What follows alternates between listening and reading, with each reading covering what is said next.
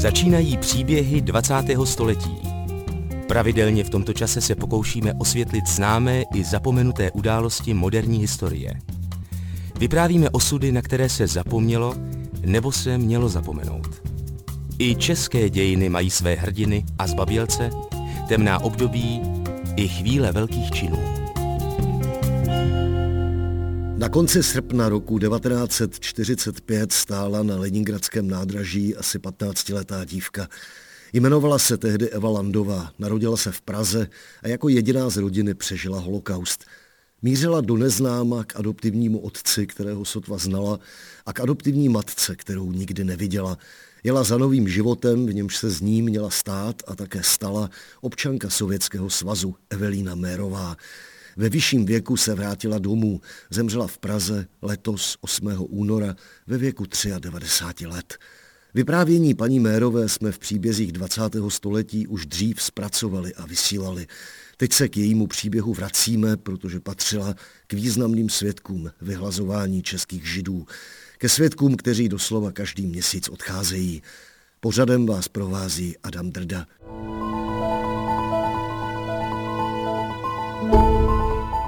Je třeba připomenout rodinnou historii. Eva přišla na svět v Praze 25. prosince 1930 v rodině Emila a Ilzy Landových. Emil se původně jmenoval Lévy a zvolil si raději české příjmení. Ilza nosila za svobodná příjmení Kleinová. Eva měla o deset let starší nevlastní sestru Lízu, která se po nacistické okupaci provdala za Františka Pečaua. Záhy na rodinu dopadla nekonečná série všech antisemických příkazů, od vystěhování z domova přes znemožnění studia a práce, až po zákaz vlastnit kočky, psy, ptáčky. Židé nesměli mít e, domácí zvířata. Já jsem měla ptáčka, toho kanárka, a toho jsem taky musela odevzdat. Tenkrát mě bylo deset já se jako teď pamatuju, jak jsem s tou klecí šla Prahou a odevzdala jsem ho nějakému pánovi v Haštelské ulici, který měl o něj zájem. Takže jsme ho neodevzdali na gestapu, jak se mělo. A pořád jsem nemohla pochopit, proč ten ptáček je žid, nebo proč hrozí nějaký nebezpečí třetí říši od toho žlutého ptáčka, který tak krásně zpíval. V červnu 1942 museli Landovi nastoupit do transportu do geta v Terezíně. V getu pak zemřel Evin dědeček, sestra Líza tam porodila syna Ládička. V prosinci 1943 byli Emil, Ilza a Eva Landovi deportováni do Auschwitz-Birkenau, do takzvaného rodinného tábora terezínských židů, kde Eva přebývala v dětském bloku. Její otec Emil Landa v Birkenau záhy zemřel. Měl tuberkulózu a nevydržel nelidské podmínky. Ve vyhlazovacích táborech byla zavražděná také Evina babička a sestra Líza s manželem a dítětem. V červenci roku 1944 prošly Eva a její maminka Ilza takzvanou selekcí. Byly vybrány jako ty, kdo se ještě hodí k práci. Z familien lágru, oficiálně označovaného termínem B2B, se dostali nejdřív do ženského tábora, stále v Auschwitz-Birkenau, a potom transportem do Študhofu, poblíž Gdaňsku. Nevím, zda tam byly plynové komory, to nevím. My jsme zase byli v takových eh, barácích, spali jsme na zemi a bylo nás tam tolik, že ně, například v noci, když se někdo chtěl otočit, tak se musela otočit celá řada. A ve dne jsme nedělali nic, seděli jsme tam na písku, bylo horko, bylo krásný počasí, dokonce se pamatuju, že tam byla pumpa. Byl tam taky takový nějaký kápo, který lidi mlátil, dokonce Anita Franková od něho dostala hroznou ránu, kterou pak měla celý život, jako takovou velkou modřinu. Ne, způsoby tam byly stejné jako v Osvětimi jenom snad eh, v menším měřítku. My tam jsme už neměli ani ty misky, ani ty ešusy, ale na, na polívku se nepamatuju, ale zřejmě nám něco dávali. Tam jsme seděli na písku celý den a na něco čekali. Ale pak zase přišla selekce a zase se začalo povídat, že lidi jedou na práci a dokonce někdo řekl, že k německým sedlákům. Co jsme si mysleli, že je dobrý, že tam nám snad dají najíst. Ale nevím, jestli někdo k těm sedlákům odjel, ona těch transportů tam tu jelo několik. My jsme se dostali do transportu, který jel lodí. Taky nás tam bylo hrozně moc. A nevím, jak dlouho jsme jeli, ale přijeli jsme do vesnice u moře, která se jmenovala Dörbeck. Teď se jmenuje Prochník. To byla obyčejná německá vesnice, tam nebyl žádný lágr a vedli nás tou vesnicí a kolem stáli lidi z, toho, z té vesnice a všichni na nás koukali a všichni měli kapesník u nosu. A já jsem se ještě zeptal, jak je možné, že celá vesnice má hlímu. Načež mě řekli, protože oni říkají, že židé zapáchají, že musí se jako držet kapesník u nosu. To, to si pamatuju. No a přišli jsme na takovou velkou louku, kde nebylo nic. A bylo nás tisíc. Dostali jsme sto stanů, které jsme si museli postavit. A v každém stanu spalo deset žen. Musím říct, že nás tam bylo moc málo Čechů. Tam byly hlavně Maďarky a Litevky. Nějak se to tak pomíchalo. Teď nemůžu přesně odhadnout, ale Čechů bylo velice málo. Ani jsme nerozuměli, co si mezi sebou povídají ty Maďarky a byli jsme tam tak trochu jako odstrčený. No a tam to byl pracovní tábor, jak se říkalo, a měli jsme kopat zákopy, nejdřív pro vojáky a pak proti tankům. A takový zákop má být 3 metry hluboký a myslím 3,60 cm široký. A to jsme měli teda vykopávat lopatama. Měli jsme lopaty, rýče a tím jsme měli teda už dost často vysílený nemocný ženy vykopávat ty zákopy a to byla pro nás příliš těžká práce.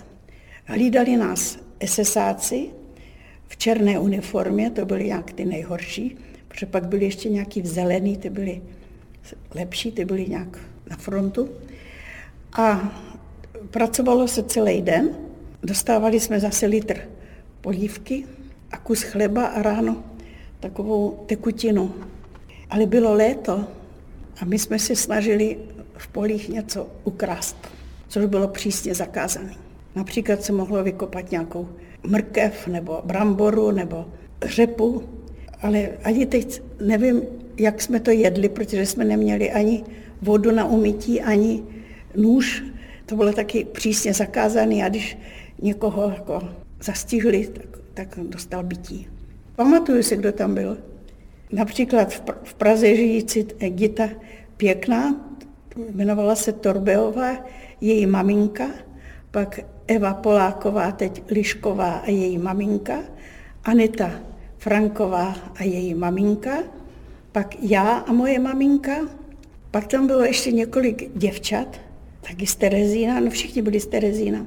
Pak tam byla nějaká paní, která byla kadeřnice s maminkou. No, málo nás tam bylo z Čech. Vzpomínala Evelina Bérová v rozhovoru, který jsem s ní vedl v Praze na Hagiboru před deseti lety. Na konci léta 1944, to se ještě Evelína jmenovala Eva Landová, byly ženy z Derbeku opět deportovány, tentokrát vlakem do obce Gutau, což je dnešní polské Gutovo. Zase to stejný, zase louka, stany a ta stejná práce a vlastně stejné jídlo. V tom Gutau jsme byli od 1. září. To se pamatuju, protože právě jsem, jsme spali jako jsme měli takový odpočinek u silnice a já jsem si vzpomněla, že je 1. září a že zase nejsem ve škole. A pak jsme přišli do toho Gutau, kde jsme později dostali lepší stany, a sice dřevěný. Vypadaly trochu jako cirkus, byly kulatý, ale spali jsme na zemi, tam byla sláma a byly tam pryčny, ale na těch pryčnách spaly ty litevky, které byly jako takový, bych řekla, energický. My jsme tam vůbec byli jako, ani jsme nerozuměli, co oni pořád říkali, že vy asi nejste vůbec židi, když nerozumíte jidiš. Něco nám pořád povídali. Nerozuměli jsme. No, ty maminky, ty uměly německy. Ty jako ještě trochu rozuměli. Ale my jsme nerozuměli ani, ani maďarsky, ani litevsky, ani jidiš. Čím dál, tím to bylo horší, protože v roce 1944 přišla do Polska zima velice brzy. Dokonce sníh. Teda práce byla pořád těžší. No a dokonce zamrzl potok, který tam protékal, takže jsme se nemohli ani mejt, ani si vyprat prádlo. Stejně jsme měli jenom to, co jsme měli na sobě, takže moc prát jsme nemohli. Bylo tam hrozně moc vší. A nejenom ve vlasech, ale taky šatových. A ty jsou velice nebezpečný, protože přenášejí skvrnitý tyfus. No a velice se změnila moje maminka. Byla hrozně vyhublá a úplně šedivý vlasy. Ona nikdy neměla šedivý vlasy. Cítila se velice špatně a moc si přála, aby ji vzali do nemocničního bloku. Měli jsme tam jeden nemocniční blok. Byla tam doktorka, která byla Maďarka. Říkalo se o ní, že vůbec doktorka není, ale vykonávala jako práci doktorky toho táboru.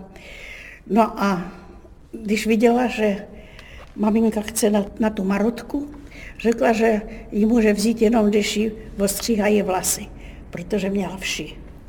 No a ta kadeřnice, co s náma bydlela, řekla, že ona jako jí ostříhá. Začala jí stříhat vlasy a během toho stříhání maminka umřela. Já myslím, že umřela vysílením hlady a byla hrozně pohublá teda. No nevím, jestli měla nějakou nemoc, ale tohle stačilo jako. Já jsem byla vedle. Já jsem to viděla.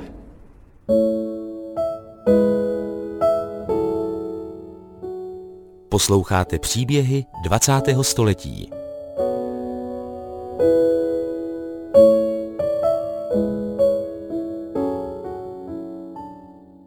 Čtrnáctiletá Eva Landová na počátku zimy 44 osiřela.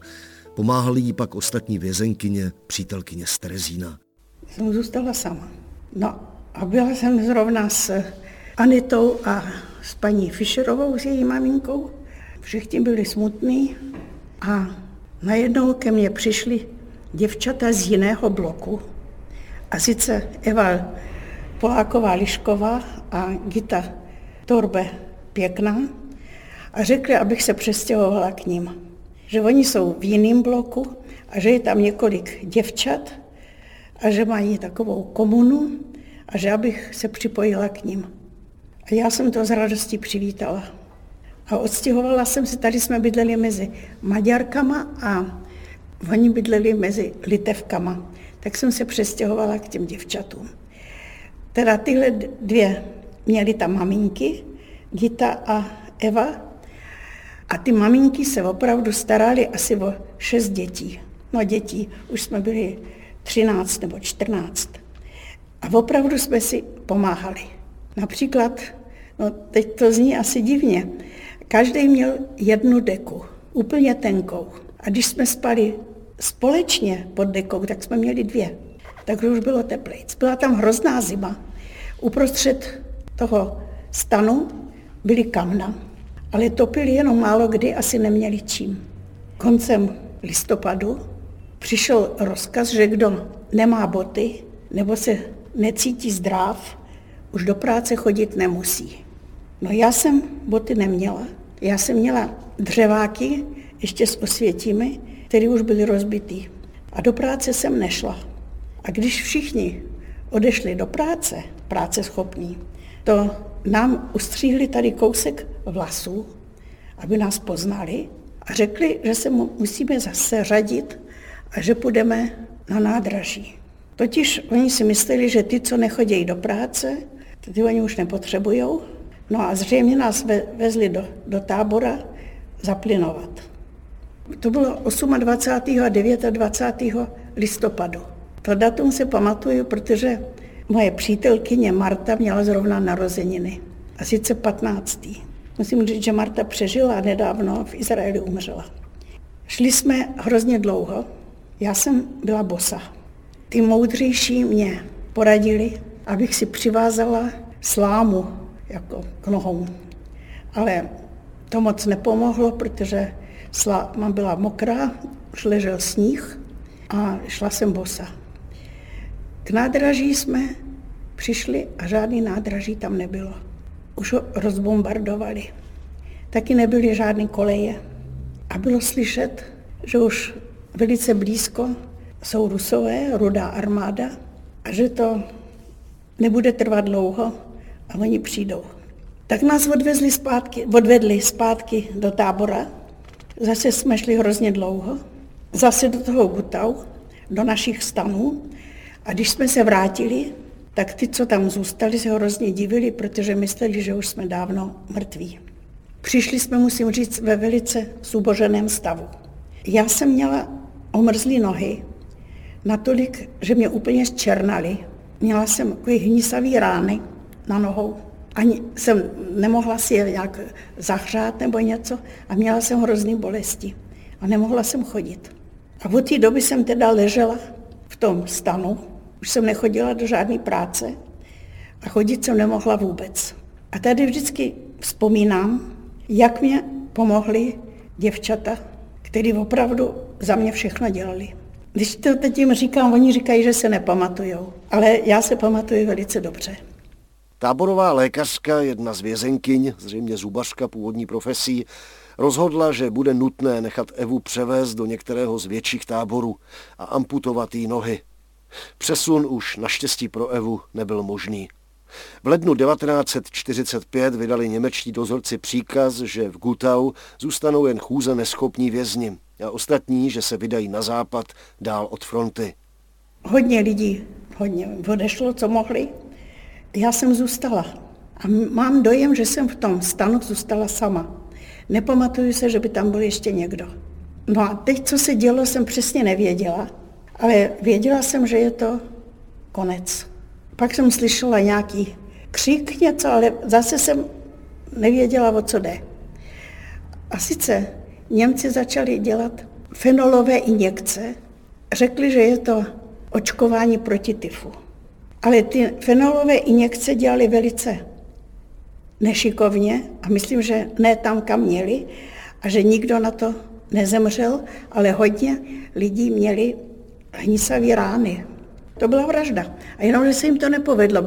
A pak měli málo těch injekcí a já se například žádnou nedostala. Oni do toho mého bloku snad ani nedošli. No pak eh, ty, co zůstali naživu, měli jít zase seřazený na hřbitov. My jsme tam už měli svůj hřbitov. A řekli, že na hřbitově čekají eh, nákladní vozy, že je odvezou na západ. Ale tohle jsem se dozvěděla později, protože já jsem netušila, co se děje venku.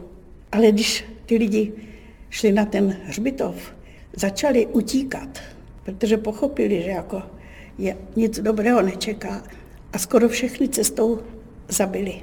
Někteří zůstali naživu díky tomu, že je jenom uhodili pažbou do hlavy jako paní Fischerovou a její dceru Anitu. Teda ty, co zůstali naživu, se příští den vrátili zase do toho bloku v hrozném stavu, okrvavený, no, hrozný. A nevím, kolik nás tam zůstalo, 30, 50. A Němci byli pryč. V noci utekli. Postupně jsme se to dozvěděli.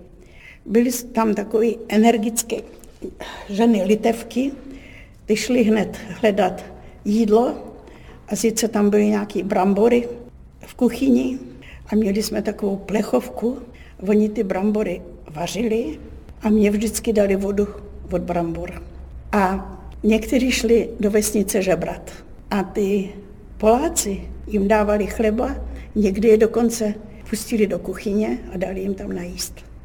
Ale to všechno se mě netýkalo, protože já jsem nemohla chodit. Teda trvalo to asi tři dny, bez vody, bez jídla, ale jako ty, co byli v lepším stavu nebo víc energičtější, ty si pomohli. A bylo to asi koncem ledna, 18. 20. ledna. Najednou se otevřely dveře toho stanu a tam stál mladý voják v uniformě ruské armády.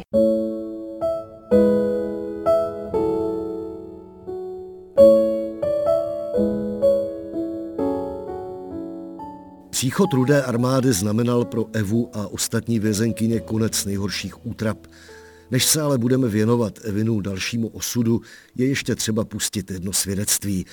Eva zmínila osud Anety Frankové, která byla spolu s maminkou vedena v Gutau ke hřbitovu, ke hrobům, kde měla čekat nákladní auta.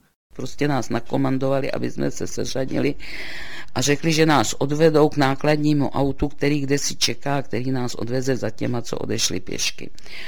Ale jako ty dospělí, já ne, poznali tou cestou, když nás vedli, že nás vedou tam, kde byl hrob, kde jsme pochovávali svý mrtví a dokonce, protože tam byla planina taková, když už tam bylo vidět, tak bylo vidět, že tam je vykopaný hrob.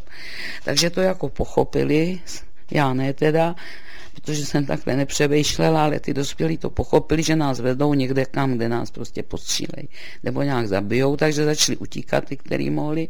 SSáci po nich stříleli a někteří se trefili, někteří netrefili. No a my jsme s maminkou, plus ještě možná nějaký, zůstávali pozadu, protože já jsem měla ty špatné nohy, tak jsem nemohla chodit. Takže jsem šla pomalu a maminka mě ještě podpírala a už taky byla úplně oddělaná. A oni měli strach, že jako to nestihnou, než přijdou ty rusové, protože už byla slyšet blízko kanonáda velká. Takže oni nás a asi některý ostatní, my jsme jim překáželi, Přitom nechtěli střílet, protože nevím proč, ale prostě oni se nás chtěli zbavit, takže nás umlátějí. Takže oni, ty, kteří zůstali pozadu, tak prostě nás začali i mě s maminkou pažbou, pušky nás mlátili do hlavy. Každá jsme dostala tři rány, maminka ztratila vědomí, já jsem to ještě viděla. A ještě jsem se tak pokořila, to jsem si tak strašně vyčítala později, že jsem klekla. Sepněla ruce a řekla německy, pane SS, prosím vás, nechte mě, už já nemůžu. No a on mi praštil a já jsem ztratila taky vědomí. A tam snad nad náma lítal andělíček, strážníček, protože jsme zůstali těžce zranění. V lednovým polským mrazu, na ledu a sněhu, který tam byl, někdy už zastmívání, ležet a on nás nejenom nezabil ani jednou z těch tří ran, ale my jsme tam dokonce ani neumrzli. A nějakým způsobem jsme se dostali zpátek do těch našich ubikací. A jak, jsme si ani jedna z nás nepamatovali. Akorát já si pamatuju, mám před očima celý zbytek života až do dnešního dne. Širou sněhovou sněžnou pláň, na který jdou dvě postavy, což jsem já s maminkou, který se sotva potácej, vzájemně se držej a vepředu je obrovský kotouš výrazný slunce. Čili to muselo být za východu nebo ze západu, kdy my jsme se tam nějakým způsobem dostali. To byla vzpomínka Anety Frankové, která byla s Evelínou Mérovou v táboře v Gutau a která s ní prožila i část další historie nacistického pronásledování. Anita zemřela v roce 2008.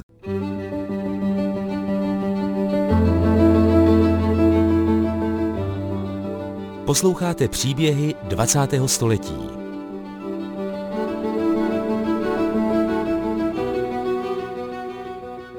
Dnešní příběhy, myž vás provází Adam Drda, jsou věnovány vzpomínkám Evelíny Mérové, která se narodila v roce 1930 v Praze v židovské rodině jako Eva Landová a zemřela letos 8. února ve věku 93 let. V táboře v Gutau jí napůl živou osvobodili vojáci rudé armády.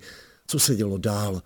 Především se Eva ani ostatní ženy a dívky nevrátila do Prahy. Lékař, ruský lékař z armády nás jak mohl ošetřil. Pak nás vystěhovali z toho bloku a jeli jsme zase do města, který se jmenuje Deutsch Eilau. Teď se to jmenuje Ilava. To bylo moc podivné město. Lidi, co tam žili dřív, někam zmizeli. Byli tam jenom vojáci a sice špitály, to znamená raněné, pro raněné vojáky a personál. A tam nás přivezli taky do nemocnice. V té nemocnici jsme se měli, bych řekla, dobře, dávali nám třikrát denně jídlo normální, teda skoro normální. Byli jsme ošetřeni eh, lékařemi, ale nebyli jsme tam dlouho, protože se ukázalo, že ty, ty místa potřebují pro raněné vojáky. Dokonce nám řekli, že kdo chce, může zůstat, ale ať se hlásí jako pracovní síla e, do ruské armády. Ale jelikož ty dvě maminky těch dvých, mých dvou přítelkyň byly velice slabé a nechtěli jsme se rozloučit, tak jsme řekli, že jako nechceme do práce a tak řekli, že musíme jet kousek dál na východ. Jelikož jsme chtěli do Prahy, pochopili jsme, že se zase od Prahy vzdalujeme. Jeli jsme vlakem, sanitní vlak to byl, kterým jsme jeli asi tři, tři týdny. Ve vlaku to bylo taky moc pěkný podle nás, tam byly tři patrové zase postele, bílé ložní prádlo, třikrát denně teplé jídlo, měli jsme možnost se mít v takové umývárničce a byli jsme ošetřeni lékařem. A lékař tohoto vlaku, hlavní lékař, byl bývalý dětský lékař, taky žid, doktor Mer, který se velice o nás zajímal. Pořád se bavil s těma maminkama těch mých přítelkyň, Marty a Anity, ale zajímala jsem ho já. A on řekl, že jelikož jsem zůstala sama, že mě chce adoptovat. Že žije v Leningradě, že jeho manželka je klavíristkou a že by se jako mě vzal do rodiny. Já jsem to nejdřív vůbec jako nebrala vážně. Zaprvé jsme mu špatně rozuměli, on teda uměl trochu německy a my taky jsme uměli trochu německy, rusky jsme neuměli a on zase česky neuměl. Jsem řekla, že ne, že já chci domů do Prahy. Načež on řekl, ale nemáš už žádný domov v Praze. Říkal, že přijdu do Siročince a co bych tam dělala. A jelikož cesta byla dlouhá, tak mě přemluvil. A přijeli jsme asi po třech týdnech do města, které se jmenuje Sizraň. To je bývalá Kujbiševská oblast, to je na Volze. Teď se město, to Kujbišev se jmenuje teď Samara. A tam nás měli nechat zase ve špitálu. A jelikož jako si umínil, že mě nechce ztratit, tak ten pan doktor Mer utíkal k hlavnímu lékaři toho špitálu, kde nás měli nechat a řekl, že kdyby ty ženy někam zase měly odjet, aby mě tam nechal. A on měl pravdu, protože asi za dva týdny zase řekli, že je to vojenský špitál a že musí jít do městské nemocnice, do toho Kujbiševa. A všichni odjeli. Bylo nás asi 30. Já jsem zůstala v té Sizraní sama. Což teda bylo jedno z, bych řekla, z velice špatných období.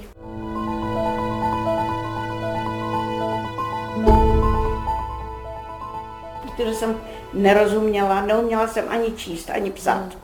Nemohla jsem s nikým mluvit. Teda dostala jsem e, postel, noční stoleček, třikrát denně jídlo, to bylo všechno v pořádku, ale byla jsem tam cizí. Ale postupně se to taky zlepšilo, protože tam byla jedna velice milá paní doktorka, která si mě brala někdy domů a bydlela ona v rodině, kde byla dívka mého věku. Tak jsme se jako seznámili, já jsem se začala učit trochu rusky, už jsem znala některé písmena, už jsem měla trochu číst. Chodili jsme na procházky s ní, dokonce do biografu. Ale trvalo to dlouho, byla jsem v té Sizraně asi čtyři měsíce. A měli všichni dojem, že snad ten pan doktor Mer si to nezmyslel, nebo co. Ale ukázalo se, že on asi přemlouval svou manželku, která jako nebyla připravena na tohle. Taky ne, nebyl lehký život po válce, a to, to byla ještě válka náhodou, to ještě, válka končila v květnu.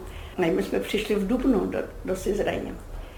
No, ale končilo to tím, že vám poslal telegram, aby mě poslali do Leningradu.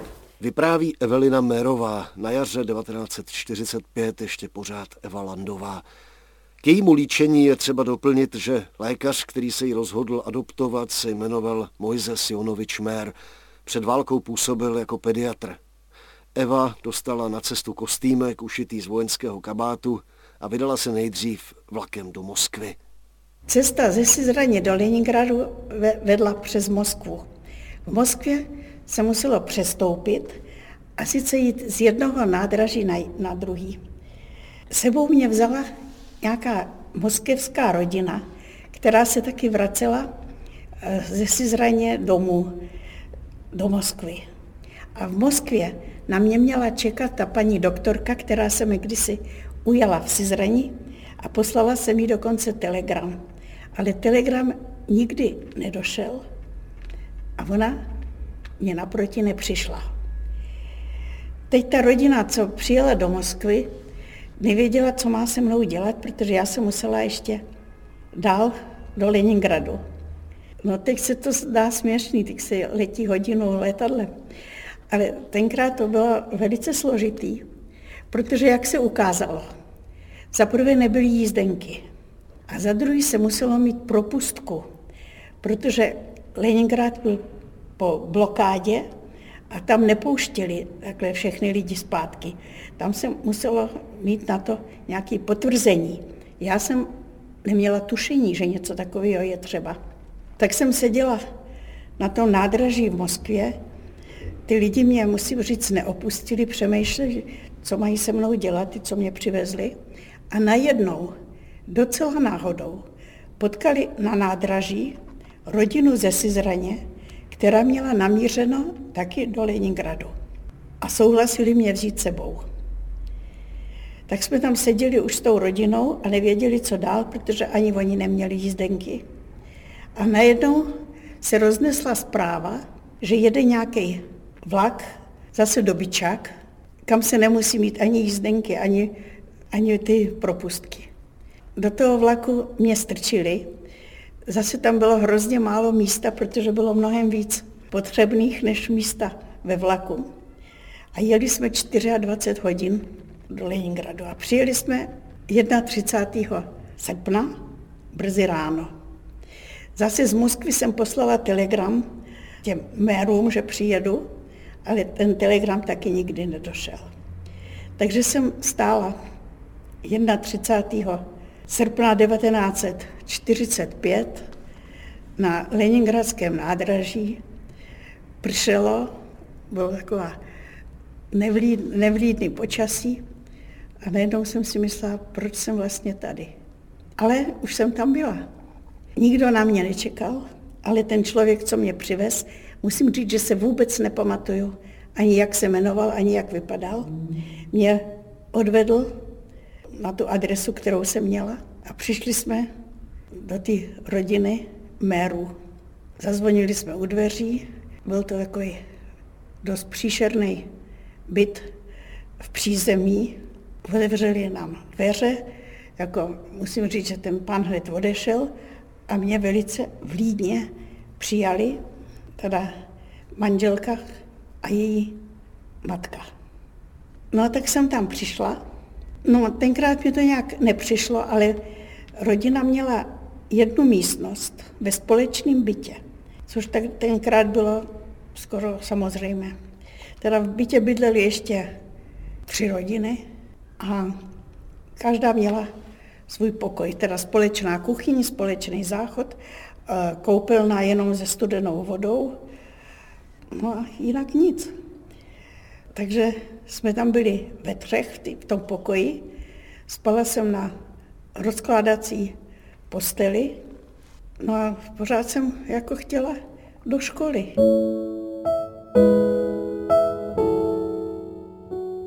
Posloucháte příběhy 20. století.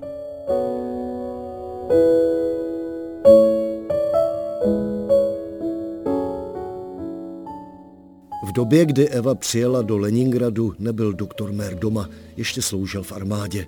Mérovi ji potom adoptovali. Z Evy Landové se stala Evelína Mérová. Ukázalo se, že s její školní docházkou budou potíže. Do normální školy jsem nemohla. Za prvé jsem neuměla rusky a za druhý jsem asi neměla eh, dost eh, to vzdělání, co bylo třeba. Eh, mě bylo už 14. No 14 a půl mě bylo. Ale zase se našlo východisko a sice v Lenikradě byla škola pro dálkově studující. Tenkrát bylo hodně mladistvých nebo dětí, co zmeškali školu během války a tam se mohli doučovat. Tam jsem se dostala. Tam jsem chodila dvakrát nebo třikrát týdně, dostávala jsem konzultace, jako něco mě radili, a pak nějaký úkoly domů, což jsem jako dělala, jak, jak jsem mohla. Jinak dokonce jsem dostala učitelku, kterou platila škola, to, byl, to se nějak povedlo, myslím, ze známosti nějaký, která mě doučovala matematiku a ruštinu, ke který jsem jezdila dvakrát týdně domů. No a tak postupně jsem se připravila na zkoušky. Na jaře byly zkoušky, které jsem udělala, nemoc dobře bych řekla, ale natolik dobře, že jsem mohla jít do normální ruské školy. A šla jsem do sedmé třídy. Už jsem dostala jméno Mer a, a očestvo Mojsijevna. Já jsem ukončila školu s velice dobrým prospěchem a sice dostala jsem stříbrnou medaili. Tenkrát e, dávali nejlepším žákům stříbrné nebo zlaté medaile a to dávalo možnost uh, jít na libovolnou univerzitu nebo vysokou školu bez přijímacích zkoušek. A já jsem se velice snažila dostat nějakou tu medaili, protože tenkrát se už vědělo, že Židy nepřijímají na všechny univerzity nebo na všechny vysoké školy. A já jsem si naivně myslela, že když budu mít tu medaili, že se dostanu na filologickou fakultu a sice na češtinu. Já jsem si myslela, že už jsem česky zapomněla a pořád jsem si myslela, kdybych študovala češtinu, českou literaturu a dějiny, že se snad přeci jenom někdy podívám do Prahy. To jsem měla takovou, jako bych řekla, fixní idei. Ale oni mě nevzali. Já jsem nemusela dělat žádné zkoušky, když jsem měla medaily, ale musela jsem napsat životopis, jak oni chtěli, na jednu stránku, což bylo pro mě taky složitý. A hlavně jsem měla vyplnit dotazník. Tam bylo hodně otázek, ale pro mě byly tam tři otázky, velice bych řekla háklivé. A sice narodila jsem se v Praze a Praha to byla kapitalistická cizina. Pak tam byla otázka národnost. A v Rusku, v Sovětském svazu, židé byli národnost. A taky to měli napsané v občanském průkazu. Tak jsem zase napsala národnost židovská. A třetí otázka byla ještě horší. A sice byla jste za války na okupovaném území nebo v zajetí. Což jsem zase musela napsat, že ano. A přijata jsem nebyla. No, musím říct, že ten, tenkrát to na mě udělalo hluboký dojem, protože já jsem myslela, že já jsem opravdu myslela, že je všechno v pořádku, že opravdu, že ten komunismus a socialismus, že je to takový výborný a že všechno bude čím dál tím lepší, ačkoliv jsme žili velice, bych řekla, skromně, špatně. Nebylo nic k mání, eh, no, nebyly byty, ale všechno se zdálo, že to ještě jako je provizorium. Ale když jako mě nepřijali, aniž by mě vysvětlili proč, tak jsem byla jako, už začala jsem přemýšlet a dokonce jsem napsala dopis Stalinovi. Myslela jsem, že někdo se na té univerzitě spletl nebo něco, že to není možné, když jsem se tak dobře učila a chci tu češtinu a česky jako umím, že mě tam nevzali. To jsem napsala Stalinovi. Dostala jsem odpověď asi za půl roku, ovšem ne od Stalina, ale z kanceláře, no, kde bylo napsané, že bohužel ne všichni, kdo se ucházeli o místo na univerzitě, se tam dostali. Adoptivní rodiče požádali Evelinu, aby o své minulosti, tedy o svém českém židovském původu a o osudech za nacismu příliš nemluvila. Mimo jiné z bezpečnostních důvodů. Antisemitismus byl v tehdejším sovětském svazu v podstatě běžný. Nevraživost se navíc prohlubovala a proces s židovskými lékaři, kteří byli nespravedlivě osočeni z pokusu o zabití Stalina, měl odhalit údajné sionistické spiknutí. I Mojzej Mér žil v obavách, byl žid a lékař k tomu. Evelina Mérová se na studia nakonec dostala. Studovala šest měsíců španělštinu a protože potom byla její fakulta zrušena, přešla trochu paradoxně na germanistiku. A potom Němčinu mnoho let vyučovala. Za studií se Evelina vdala za architekta Semiona Najmarka. V roce 1956 se jim narodila dcera Irena a roku 1963 syn Viktor. Neměli kde bydlet, zpočátku žili v Kumbálu v rozděleném bytě, kde jeden pokoj náležel Mérovým. Ptal jsem se Eveliny Mérové, jaký její noví rodiče vlastně byli, jaký s nimi měla vztah. To byli intelektuálové, jako osobnosti byli dost zajímavé, nehodili se k sobě vůbec, dokonce se rozváděli už za mě, měli mě rádi. Na, na začátku moc ne, ale na konci mě měli rádi a hlavně milovali mé děti. To byli opravdu babička a dědeček. Nebyli ve straně, nebyli komunisti, a, ale nejdřív musím říct, Například, když zemřel Stalin, tak byli z toho velice smutní. Tenkrát se myslelo, že díky Stalinovi ještě se Židům nic nestalo a že jakmile Stalin umře, takže s Židama to bude špatný. Ale bylo to zrovna naopak. Když byl ten proces s těma v roce 53 lékaři, tenkrát opravdu už, jak se, to jsem se dozvěděla ovšem později, že už byli připraveny zase dobyčáky, aby všich, všechny židy odvezli do Birobidžánu. Birobidžán to byla taková oblast, který podle Stalina měla být eh, židovská oblast na hranicích s Čínou, tam na východě. A že dokonce byl připravený, to jsem se dozvěděla nedávno, dopis, který napsali židé, jako, že žádají, aby je odvezli do Birobidžánu. To byl plán, ale neuskutečnil se díky tomu, že 5. března 53 Stalin umřel.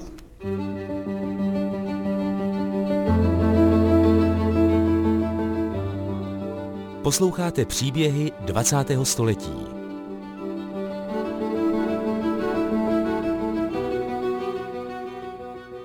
Do Čech a do svého rodného města se Evelina Merová vrátila po zhruba 17 letech od deportace.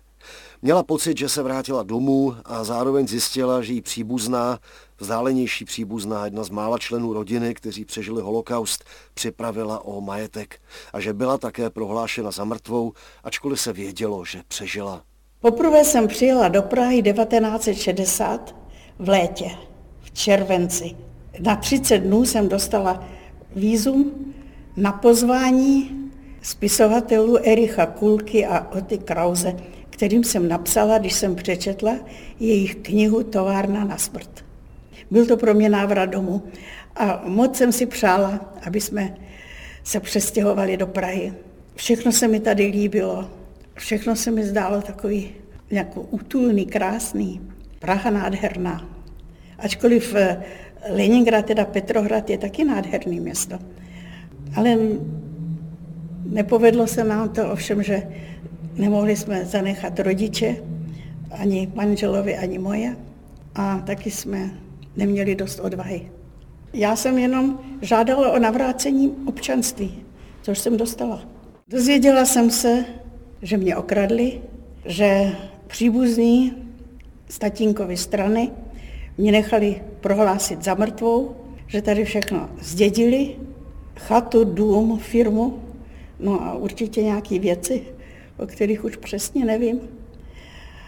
A ty domy už byly teda znárodněny, ale ta chata byla ještě v pořádku, to bylo u Unhoště. A když jsem ty příbuzný řekla, že by jako mě měla něco vrátit, nebo že když by mohla tu chatu prodat a rozdělit se o peníze, načež ona mě řekla, no co ti napadá, kam bychom jezdili. A pak mi řekla, že když něco začnu podnikat proti ním, že mě udá, že špatně mluvím o Sovětském svazu. Což taky udělala. Dlouho jsme se soudili, teda ten jeden dům je, je ukradený, to je v Klimenský, kde jsme bydleli. Ten, ta dcera té paní, co to dědila, ho i hned prodala, takže mě řekli, že to je, s tím se nedá nic dělat. No chatu jsem pak dostala a prodala, myslím, za 16 tisíc. Evelina Mérová byla v Praze i těsně před sovětskou okupací v srpnu roku 1968.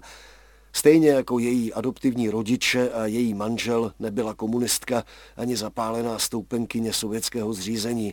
Nadchlo jí tehdy pražské jaro a představy o socialismu s lidskou tváří. Děti byly na pionýrském táboře, byla jsem tady s manželem. Podepisovali jsme tady petice eh, na příkopech a všude. Všechno se nám zdálo nádherný, eh, že svoboda, že jak se to povedlo a s lidskou tváří. No úplně jsme tomu všemu uvěřili. Pak jsme jeli 20. nebo 19. srpna jsme jeli do Moskvy, jeli jsme teda přes Moskvu, kde jsme se setkali se známýma. A povídali jsme, jak je to tady krásný a že bude ten 14. sjezd a že už je to jako všechno. A on řekl, ale ne, teď právě teď jsem četl, já už mám husíku, teď jsem četl článek v Pravdě, že tam je kontrarevoluce a že se s tím musí něco dělat, že nevypadá to na to, že je to. A my jsme říkali, prosím tě, všechno je v pořádku. Ale když jsme jeli vlakem, tak jsem na hranicích viděla hrozně moc tanků a takových různých vozidel. A ještě jsem říkala, podívej, kolik je tady, manželovi jsem říkala, kolik je tady toho. On říkal, no to jsou manévry, když oni psali, že jsou to manévry. A příští den jsme přijeli ráno, 21. srpna do Leningradu. Měli jsme teda kufry z Prahy, sedli jsme si do taxíku a ten řidič říká, no právě jsme obsadili Československo. A říkám, ale ne, teď my jedeme od tamtu, tam je všechno v pořádku. On říká, ne, ne, ne, už požádali o bratrskou pomoc a právě jsme je obsadili. No byli jsme z toho úplně zdrceni. Ale od roku 92 bydlím v Praze. Vzpomínala Evelina Mérová, která se v roce 1930 narodila v pražské židovské rodině jako Eva Landová a zemřela, jak už také zaznělo, v Praze letos 8. února. Její syn, který ještě ze Sovětského svazu emigroval, žije ve Frankfurtu nad Mohanem, její dcera v Sankt Petěrburgu. Z dnešních příběhů 20. století věnovaných její památce je to všechno. Za pozornost vám děkuje a od mikrofonu se loučí Adam Brda. Tento pořad vznikl ve spolupráci Českého rozhlasu a neziskové organizace Postbellum. Vše o příbězích 20. století najdete na internetu Českého rozhlasu Plus, na portálu Paměť národa nebo 3x2 postbellum.cz.